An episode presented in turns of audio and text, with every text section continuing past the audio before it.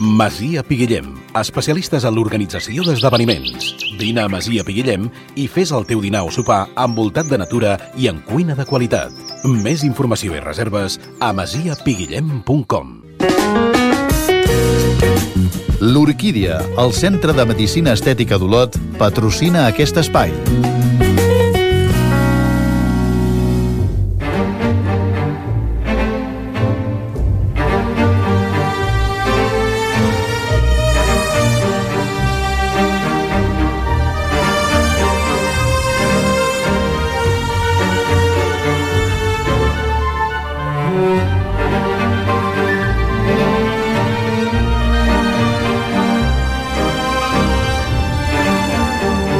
És temps per les sèries a l'antena dels 5 minuts més. És hora de saludar la Sandra Sotillo i Costa. Què tal, Sandra? Bon dia. Hola, bon dia. Avui, tre... Avui els dos cognoms, Sí, eh? home, I tant que sí.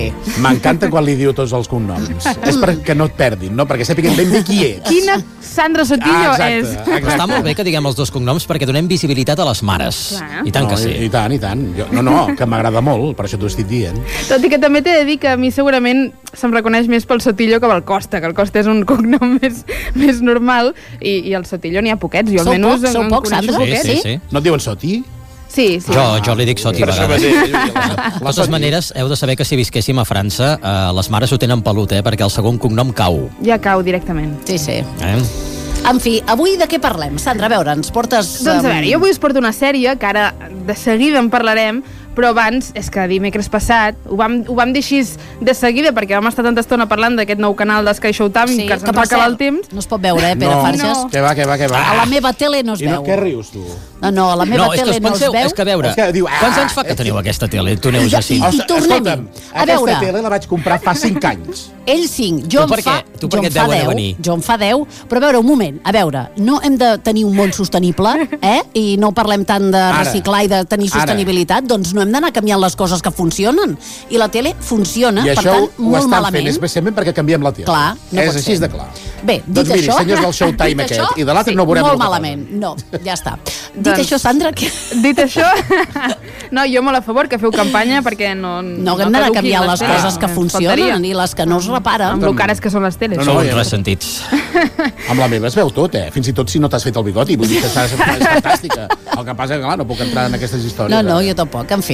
Doncs bé, crec que la pla- Disney Plus la podeu veure? Sí, Doncs sí. mira. Bueno, sí però no, eh? És a dir, sí però Sí, amb un però- fire, sí, però- amb, però amb amb un stick, eh? Amb, sí, sí.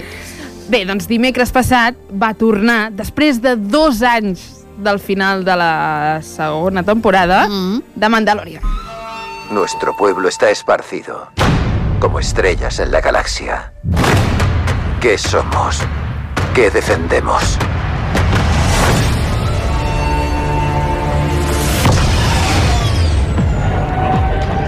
Ser mandaloriano no solo es aprender a luchar. También hay que saber navegar por la galaxia. Así, nunca te perderás.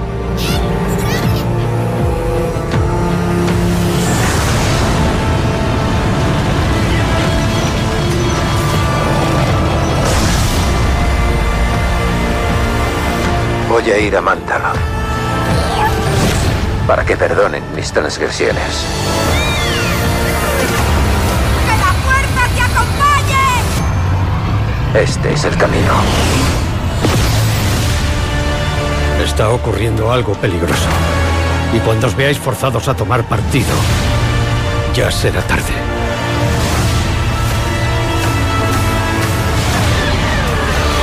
Molt èpic tot plegat, eh, Sandra? Molt èpic. I, I hem de dir, hem d'avisar la gent, la gent que hagi vist aquest primer episodi i hagi quedat completament perduda, Sí, sí, perquè passa, eh? Comences i dius, a veure, un moment, sí, uh, com ha arribat això aquí? clar, perquè és que ara farem... Eh, puc fer un mini spoiler de la temporada 2, no? Fa dos anys que es A va veure, acabar. mini spoiler, mini spoiler. Si Mini no, d'allò, baixeu un moment. Exacte.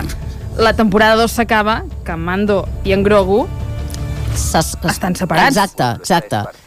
I, i aquí em, comença i dius, i ara això Com com, és ha canviat? Com tornen a estar junts? Cert, Mando és cert. un diminutiu de Mandalorian? Sí, és, sí. li, li diuen Mando. Li Ah, diuen, no, no li diuen Mando. Sandra, Ah, eh? Jo pensava, no, que la, pensava la familiaritat és tal ja que... No, no. no, Li no, diuen això Mando, que és clar, de és la una mica més curt, sí. eh? Una mica més curt. Sí, sí, home, és que una de les coses que vam comentar llavors és que la gràcia, eh, la gràcia no, té, té moltes altres coses aquesta sèrie, però tots sabeu que el minilló d'aquell petit, aquell... El Baby Yoda. El Baby Yoda, Sí. el de color verd, Pere, mira Yoda. aquesta casa, aquell de color verd que s'assemblava, Que que, parla- que s'assemblava en Sí. Pujol. En Pujol, en Pujol. Que parlava d'aquella manera, al revés. Sí, sí. Ah, per Exacte. què parlava al revés? Sí, no? Deia... Uh, Bueno, agua deia- yo quiero. Exacte. Agua, sí. Era, sí. era, era l'evolució dels indis, Eh, Pere. tu, No, no, esto tu tienes, saps? Anava així, sí. Està bé, està bé. doncs el petit, que va generar un fenomen de, un fenomen de merchandising enorme. Sí, perdona, eh? Aquest, arreu, Nadal, eh? aquest Nadal ha estat la joguina estrella, Sí, eh? sí, sí. sí. Encara, ara. I tant, Sí, sí, perquè s'ha a més a més, venent, sí, perquè sí. a més el toques i fa... sí. No, jo en tinc, jo el tinc, Jo aquest. també el tinc, sí. Veus?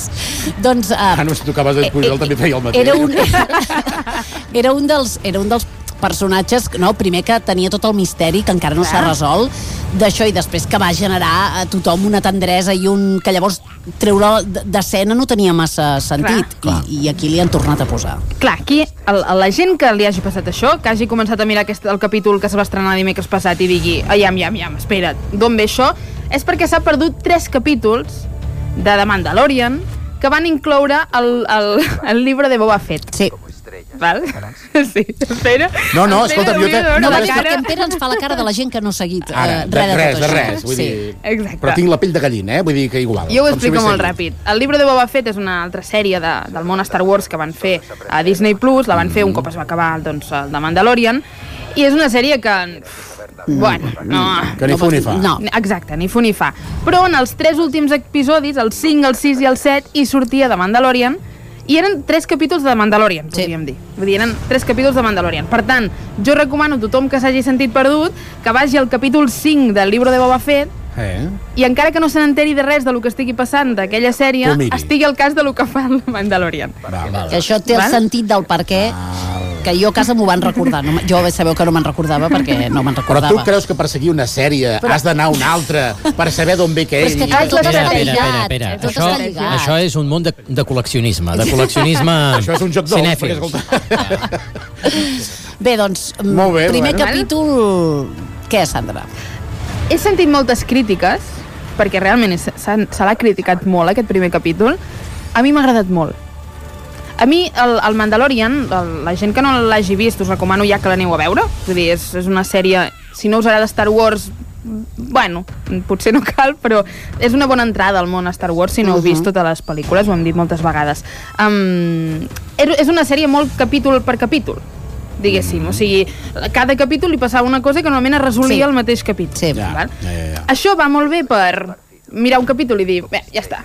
Però a mi sí que és veritat que les sèries de Star Wars i les sèries en general m'agraden les que tenen un argument de fons més potent que les coses episòdiques són les secundàries, diguéssim, no? Tens un argument llarg i llavors tens mm, trames que es van acabant capítol per capítol. I a mi Mandalorian m'ha agradat moltíssim, jo la tornaria a veure de seguida tota, però sí que és veritat que aquest capítol sembla indicar que aquesta temporada allargaran més, no? I van més enfocades a unes trames a llarg termini i no només a iniciar una trama i acabar-la en el mateix capítol, capítol. sí, una història. Dit això, passen moltes coses al primer episodi, que encara que hagis vist de, de Book of Boba Fett, no saps d'on baixen. Sí, sí. Llavors jo entenc que aquí la gent és el que li ha criticat molt, en plan, però això no ens ho ha explicat, això... No, és el primer capítol, Calma, esperem, calma. calma, que segurament ens ho explicaran els pròxims capítols, no? Que la gent és impacient. Molt bé, molt bé, molt Sí. bé. Però a mi també a mi també m'ha agradat, eh? Vull dir que jo penso que segueix una mica la línia del que ja ha anat fent amb les altres, amb Mhm. les altres sèries i, per tant, amb les altres temporades a la gent que li hagi agradat li continuarà agradant aquesta. Jo he vist el tràiler i les coses que volen m'han agradat molt. T'han agradat, sí, maques, eh? Sí. Sí. No sabia de què anava, però vull dir, està bé, això. veus? Home, tècnicament també és una pel·lícula que està molt Clar. bé, una sèrie molt. que està molt ben feta, eh? Visualment és, és sí. molt potent, és tot el món Star Wars de les pel·lícules però actualitzat, no? És molt més modern. No hi veus per cap cantó el CGI, o sigui, tu els efectes especials te'ls creus tal com són i per tant està, està molt ben aconseguida, són molts calés els que van a aquesta sèrie i per tant, doncs bé, veurem, ho hem sentit una mica al tràiler, aquesta temporada ens trobem un mando que, que està rebutjat per, per les, els seus, per als Mandalorians, diguéssim, mm. perquè es va treure el casc i això no es pot fer. No te'l pots treure en tota la vida.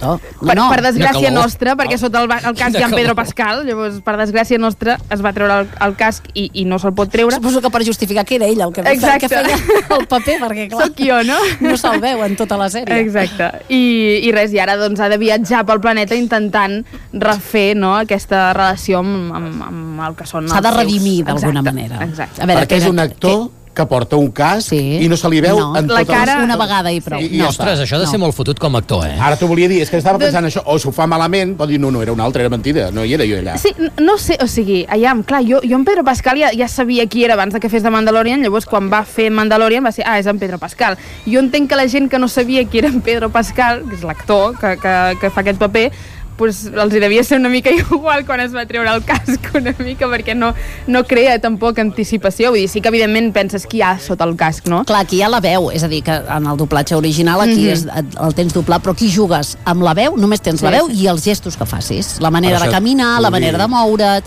perds tota l'expressió facial. Pensa que són tres actors, bueno, són en Pedro Pascal, que fa quan es treu el casc, que és 5 Són res, minuts, Cinc minuts, sí. Um, I algunes escenes suposo que també les deu fer, però poquetes. I llavors hi ha dos altres actors més, un que fa les escenes d'acció i l'altre que és el substitut perquè no cal que en Pedro Pascal estigui sempre allà gravant quan no se li veu la cara. Clar, perquè si el guió posa i el mates i has de posar cara de tragèdia. No, no, no, aquí no, No, hi és. No, no, ha en aquest cara. sentit, en aquest sentit no hem pas de- d'interpretar gaire. Clar, No. vull dir que... És, és un paper, jo crec, uh, o sigui, tu realment, quan veus el... tu, ti- tu te l'estimes, el Sí. personatge. És tot curiós, no eh? veure-li És la curiós, cara. sí, perquè és veritat, no, no té rostre, però al final tu, bueno, no, connectes eh, Exacte, amb ell igualment. Per, per la veu, és veritat que fa moviments, no? Que, I el, el, el Disney Plus tenen una cosa que, no sé, no me'n recordo com es diu, però és com un documental de com es va fer la sèrie, mm. i, i t'expliquen, no?, amb una taula rodona amb el director i, i, i en John Favreau i, i el, els actors i tot, t'expliquen que en, en aquest paper era molt més important els silencis que no el, el, el que deia, no? el, les paraules. Perquè en un silenci, com sabem molt bé a la ràdio, es poden dir moltes coses. I quan no veus la cara de la persona, doncs feien servir aquests silencis per, per, aquest, per agafar aquesta part més emotiva dels, dels guions, no? dels discursos, diguéssim. Sí, sí. Molt bé, molt bé. Però bé, um, Mandalorian, que s'estrena demà el segon capítol, recordeu que són aquests que són un per setmana, i que jo recomano a tothom que, que vagi a veure aquesta sèrie perquè és de lo milloret, milloret que hi ha a Disney Plus ara mateix. Fantàstic, molt bé. Anem avançant? Anem avançant perquè avui us porto una altra sèrie que jo crec que desconec si aquí a, a Espanya i, i fins i tot a Europa havia arribat el, la bogeria per al llibre que està basada en aquesta sèrie, um, tal com hi era als Estats Units. Però és que jo, des de fa mesos, ja podria dir, mm. a TikTok només veig que vídeos d'aquesta sèrie. Ah, sí? I del llibre, eh? No, no, no és només la sèrie, sinó gent comentant el, comentant el llibre. Aquí potser ens sonarà més un altre llibre de, de l'autora, que és um, Los siete maridos de Evelyn Hugo. No sé si us sona. Los siete maridos de... Evelyn Hugo. No. No, No? no, no. Vale, pues se m'ha desmuntat la teoria. No, però ara poder ja, escolta, 682 900, 600, Clar. poder algun oient, eh, que sí que, que ja està al cas, que que nosaltres no ho estiguem no vol dir, eh? és un llibre best-seller dels més venuts, el de les, Los siete maridos, dels més venuts, aquest sí que aquí també a, a Espanya, va ser un èxit superventes de la- la- l'escriptora Taylor Jenkins Reid, i el que va passar és que el primer llibre d'ella que s'ha adaptat era un altre, Uh -huh. que és aquest que us porto jo avui, que és Daisy Jones and the Six, o com l'han traduït aquí a Espanya, Todos quieren, todos aman a, Todos quieren. a, todos quieren a Daisy Jones, que dius, sí. De fet, de fet... Què? eh, Per què cal continua- traduir-lo? No cal? Sí, continua fent-se aquella pràctica de fotre els títols a la lleugera, sí, sí, eh? Això ha passat tota la No vida cap aquí. mena és, de que, sentit. és que podies traduir Daisy Jones i los Seis o Daisy Jones i The Six. Vull dir, és que no, no feia falta canviar-li el nom. Ah, però bé, perquè aquest sis estimen a la Daisy Jones, aquesta ja està, bé, tota la quieren. Molt bé, sí. Doncs bé, i aquest llibre, que és el primer que s'ha fet l'adaptació, també ha sigut un èxit superventes als Estats Units. Hi ha tota una legió de fans de- d'aquest llibre que estaven esperant amb candeletes que arribés aquesta adaptació i per fi eh, adaptat i són així. Ni siquiera sé por qué vamos a hacerlo. No es un dueto. Billy, hiciste una buena canción, no una cojonuda. Chicos, ¿os apetece grabar o seguimos discutiendo? Me vale cualquiera. Vale, pues vamos a empezar. Esto es Honeycomb. Toma uno. ¿Puedo hacerte una pregunta? ¿De qué crees que va la canción? ¿Que ¿De qué creo que va la canción? ¿La canción Sí, que he ¿de qué compuesto? va la ¿Crees que no canción? sé de qué va la canción que he escrito? Va de empezar una nueva vida, Daisy.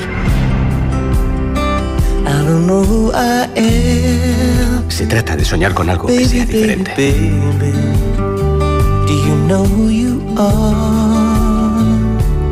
No pares. Quería decir... Oye, Daisy, mira, no hace falta discutir. Solo iba a decir que me encanta cómo suena tu voz.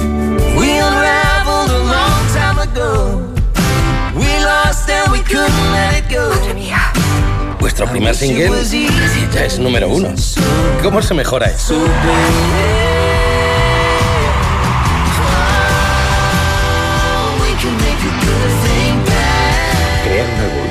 Es algo muy íntimo. Debería serlo. En la vida lo he visto tan contento.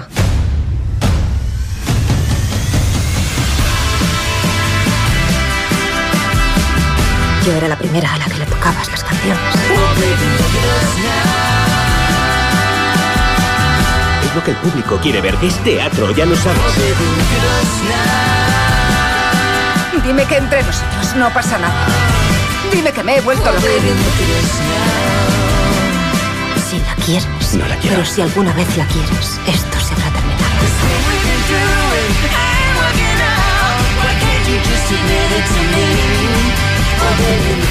Música country com a banda sonora, eh? Sí, bueno, country barra rock barra pop és, és una barreja perquè ens Mhm. està portant realment a l'escena musical dels anys 70 i tenim un grup de rock originalment que són els... Bueno, primer es diuen els Dun Brothers Sí. i són un grup de rock que comencen des d'un petit eh, ciutat de- d'Estats Units i intenten entrar doncs, en l'escena musical de- d'aquell moment. Els hi costa, canvien de nom, es converteixen als The Six, fins que coneixen aquesta noia, que és la Daisy Jones, s'uneixen, diguéssim, i creen aquesta cançó que, que sentíem, no? que estaven creant en el, en, en el tràiler, que es converteix de cop en un número 1 i els transforma tots d'un dia per l'altre en superestrelles del rock i de la música i del pop i d'una mica de tot. Tot el que això deu suposar, no? Sí, perquè fan, és una barreja d'estils, no? Evidentment, ells eren, venien del rock, ella venia d'una cosa més pop, més country, com deia en Joel, Mm, i llavors s'uneixen i fan una mica aquesta barreja de, de sons que els converteix això en superestrelles d'un dia per l'altre, tenen una carrera super, super exitosa, fan un, un concert d'aquells que omplen um, Estadis, estadis no? Sí. fins, fins al final i de cop desapareixen. Ah? Això passa a vegades també. Exacte. I llavors, uns anys després, dècades després, els reuneixen una altra vegada i els hi fan una mena de documental perquè expliquin per què es va acabar el seu grup de música, no? que és d'aquest, el Daisy Jones and the Six. És una història, a la, a la sèrie el que t'ho expliques en, en aquest format documental, no? Els atents a ells dècades després parlant a càmera i explicant Què va passar. Què va passar. I mentrestant, evidentment, tu vas veient la història de, de què havia passat. No? Però això no és una història real. Ah, t'ho anava a dir, però això està... Però és, O sigui- és ficció truc. o no? Aquí hi ha el truc. És ficció, però evidentment, i es veu moltíssim, està basada en Fleetwood Mac. Ah! Ah, molt bé. Vull dir, aquí la- la- i l'autora ho ha dit des del minut 1. Jo m'he inspirat en Fleetwood Mac. Ah, d'acord, d'acord. Per tant, que jo no, jo no coneixia la història de Fleetwood Mac. Evidentment sabia qui eren, però no, no, no coneixia tots els, tots els que hi havia hagut per allà al mig. Um, jo recomano molt a la gent que vagi a buscar la història de Fleetwood Mac i se n'enteri també de... Però aquestes pel·lícules que sempre veiem que estan basades en històries de, de grups Sí. i tal, la majoria són de inspiració real, per dir-ho, encara que siguin altres grups, no? Sí, exacte. O altres intèrprets, però vull dir, sempre passa. Per això t'he preguntat, això està basat en, alguna, en, algun, de, eh, en algun grup de veritat? Sí, és, és això, o sigui, la, la, la escriptora diu això, diu, jo vaig conèixer, no? o coneixia ja des de petita la, la història de Fleetwood Mac, estava mm, en- no, m'havia quedat super sorpresa per, per tot el que havia passat allà i volia doncs, transmetre això amb uns personatges Mira, meus. aquí els tens. I els ha Els creat. Fleetwood Mac. Exacte. Fleetwood Mac és veritat que van desaparèixer de cop i volta, però després es van tornar a reajuntar i amb bons èxits. Sí, veurem, veurem. Potser aquests també ho fan. The Six, que per cert és una banda, com dèiem, fictícia. Els actors, que ara us explicaré qui són, realment canten. Ahà. Vull dir que és una banda fictícia, però que canten de, de veritat els actors que estan fent dels personatges a, a la sèrie. I que ha aconseguit un número 1 ja a iTunes. Ah, sí? Caram. S'han han fet història perquè ara, ara mateix són la primera banda fictícia que, que ho aconsegueix. Clar, van fer la sèrie, va, per la sèrie van gravar unes Una cançons, cançó. Uh -huh. les han posat a iTunes i una d'elles ja s'ha convertit en el número 1 de- d'iTunes, no? Per tant, Veus? mira, poden començar una carrera com a Daisy Jones and the Six. sí. Podríem fer al revés, no? Ells ho fan al revés. Sí, aquí tenim de protagonista de- d'aquesta sèrie, la, la que fa de Daisy Jones, és la Riley Keough, que segurament no us sonarà de res. Mm, és una noia molt guapa, jove, ha aparegut a The, a The Good Doctor, a, no sé com la traduïm aquí a The Good Doctor, bueno, la, la sèrie aquella de... Sí. No sé com l'han traduïda. De dir que l'han traduïda? No, jo sempre No, li he dit així, de Good Doctor. Mira, doncs, doncs va tenir algun paper uh, de Good Doctor i també va aparèixer a l'última pel·lícula de Mad Max, però no, no és una actriu allò reconeguda. Què passa? Que és la neta de l'Elvis Presley. Carai. Aquesta, És una- aquesta ara que, es- dona. Ara que es parla tant de Nepo Babies, eh, um, la, la protagonista de Daisy Jones and the Six és la neta de l'Elvis Presley, la seva mare era la Lisa Marie Presley, que va morir fa, Sí. fa poquíssim, i uh, es, es la, el seu padrastre, perquè la seva mare es va separar, va ser uh, Michael Jackson.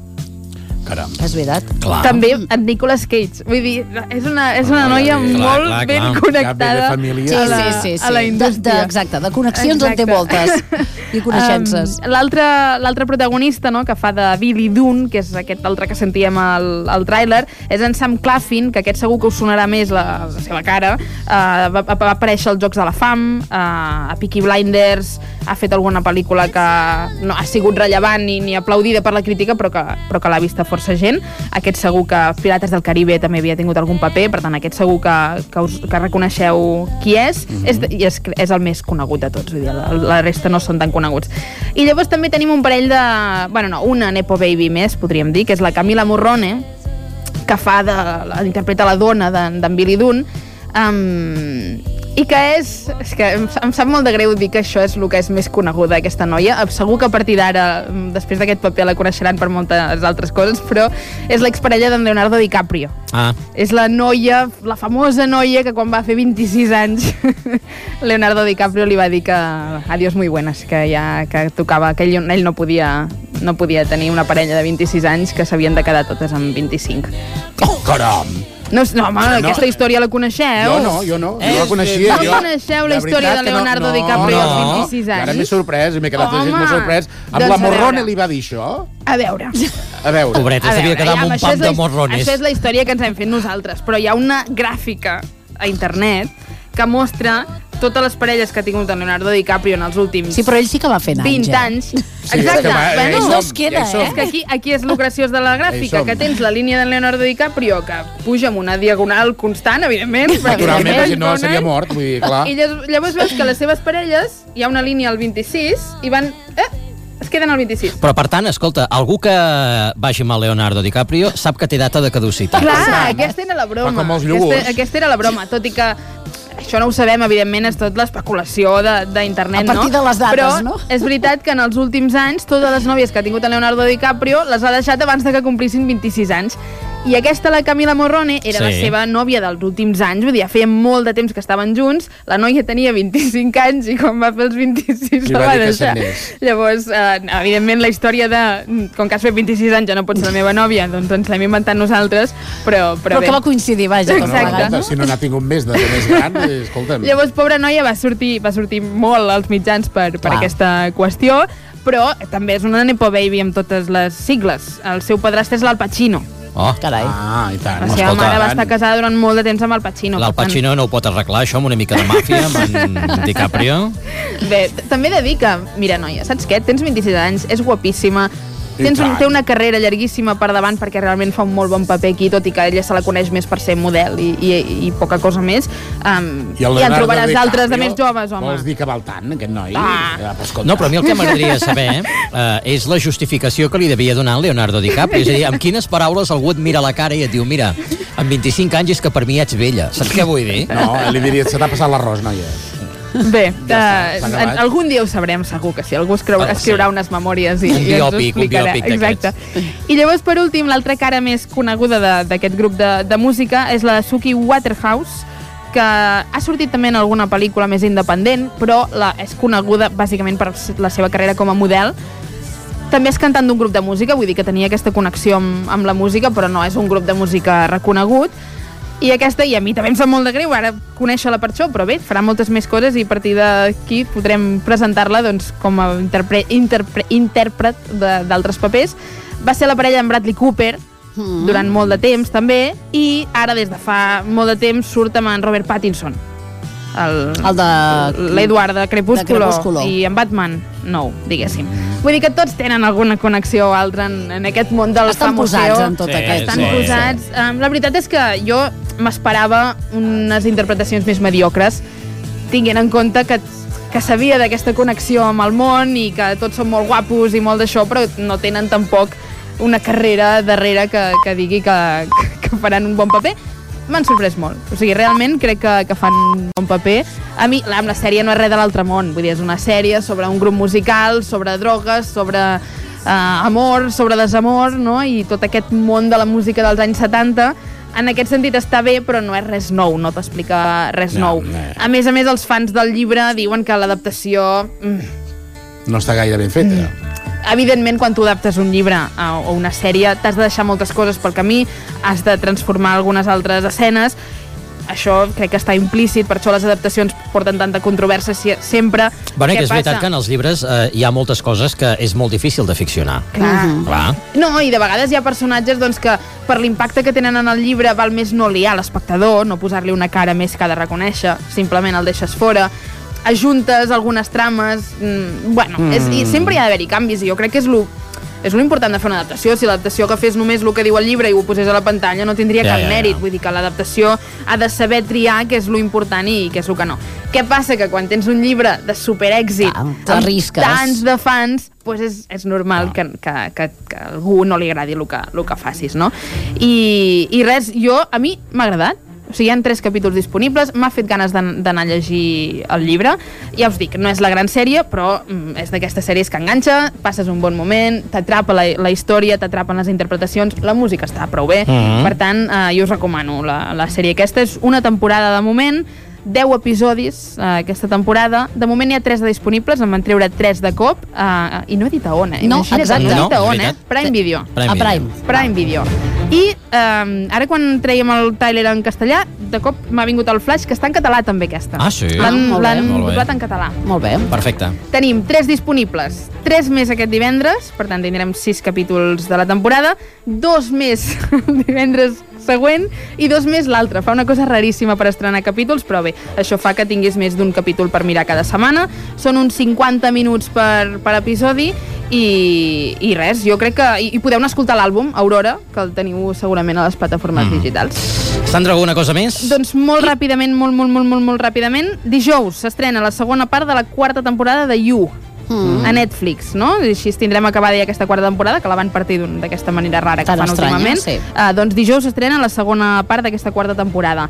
També a Netflix, divendres, ens arriba pels fans de Luther, Luther, Luther, Sí. Luther, aquesta sèrie sobre un detectiu interpretat per l'Idris Elba, tanquen la sèrie amb una pel·lícula i divendres s'estrena aquesta pel·lícula que posarà punt final a, a aquesta sèrie que no no n'hem parlat gaire però que té doncs, tota la seva legió de fans i que la veritat és que les crítiques són molt bones per tothom a qui li agradin les, les sèries de detectius així una mica fosques.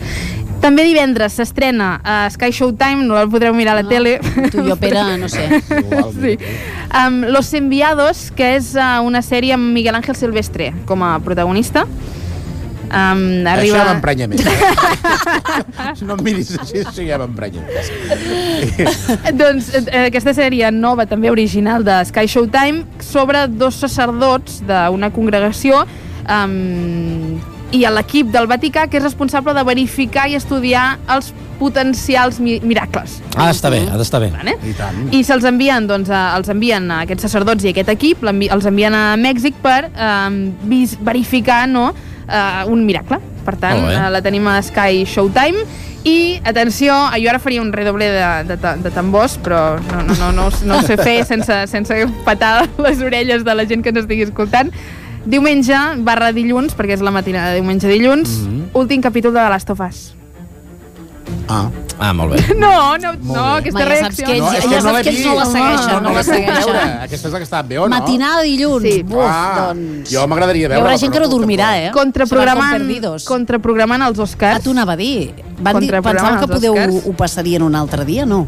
Eh, De moment no, que no facin com la Super Bowl i ho canvin amb una última hora, però en principi la matinada de diumenge a dilluns, crec que és a les 3 del matí que està disponible aquí, Últim capítol de The Last of Us d'aquesta primera temporada que ha sigut absolutament espectacular i que jo recomano a tothom que la vagi a veure. Ja, mira, ara un cop s'emeti aquest últim capítol la pot veure d'una d'una tirada tota de lo millor millor que s'ha fet aquest any. Jo puc dir una cosa, que em pot agradar moltíssim una sèrie, puc, que està molt enganxat, però esperar a les 4 o les 3 de la matinada per veure l'últim capítol o el que sigui, no Mira, faré, eh? doncs som, són dos tipus de persones i jo sóc de les Tu sí, que, no? que Tu sí, ja mirarà a les ja ho 3 de la Està molt matinada. bé. Per cert, entre vies, eh? Ja hi ha la segona temporada. Ja l'he vist. Està molt bé, eh? No, no, Pere està enganxat allà, Ja ho que no ha baixat que, la Pere, calla, eh? No se t'acudeixi obrir la boca. No, No, no, digues res. jo només he de dir... No, No diguis res. Home, no. tanca el micro. No, si no, no, no, Pere, no. L'última vegada que vam parlar d'un tema cony, que no va fer un spoiler. No, he de fer cap spoiler. Que si fins ara m'agradava molt en Coronado, ara m'agrada el doble. Jo tinc molt Sí? clar què li preguntaríem a un Coronado Del- si el tingués al davant. Jo li diria, Coronado, quiero más, ¿para cuánto? ¿Para cuánto? O no, para cuándo, vaja. Ah. No, del paper que fa. Vull dir, És molt bo, el És Coronado. un 10, és un És 10. molt bo. Sandra, Molt alguna bé, cosa més? Ho total. deixem aquí? Jo crec que ho deixem aquí, repeteixo, de Mandalorian a Disney Plus i Daisy Jones and the Six, uh, o Todos quieren o Todos aman a Daisy Jones a Prime Video. Una abraçada, gràcies. Ciao. Al llarg de 85 anys, el nostre objectiu ha estat ajudar-te a trobar la teva bellesa exterior i el teu benestar interior. Al Centre Mèdic Estètic L'Orquídia aquest any celebrem el nostre 85è aniversari i ho volem celebrar amb tu, que formes part de la nostra història, amb un regal molt especial. Fins al 10 d'abril, tots els clients que es facin qualsevol tractament podran gaudir de l'Elift 85, una experiència creada en exclusiva per l'aniversari, amb cosmètica orgànica vegana i amb la tecnologia més puntera. Deixa't portar pel món dels sentits i celebra amb nosaltres aquests 85 anys. L'Orquídia Centre Mèdic Estètic. Ens trobaràs al carrer Serra Ginesta 15 d'Olot i a orquídia.com.